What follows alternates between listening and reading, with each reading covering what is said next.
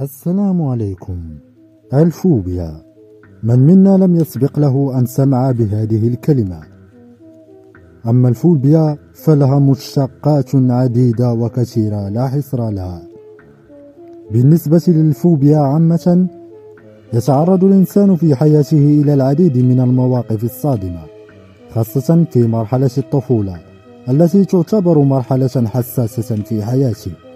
ومن شدة الصدمة ومع مرور الوقت قد يتحول هذا الموقف الذي تعرض له إلى أحد أنواع الفوبيا. وتعني هذه الكلمة الرهاب أو الخوف.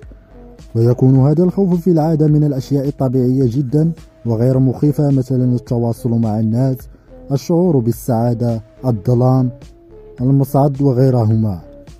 ويكون المريض غالبا مدركا تماما بأن الخوف الذي يصيبه غير منطقي ولكنه لا يستطيع التخلص منه بدون الخضوع للعلاج النفسي لدى طبيب متخصص.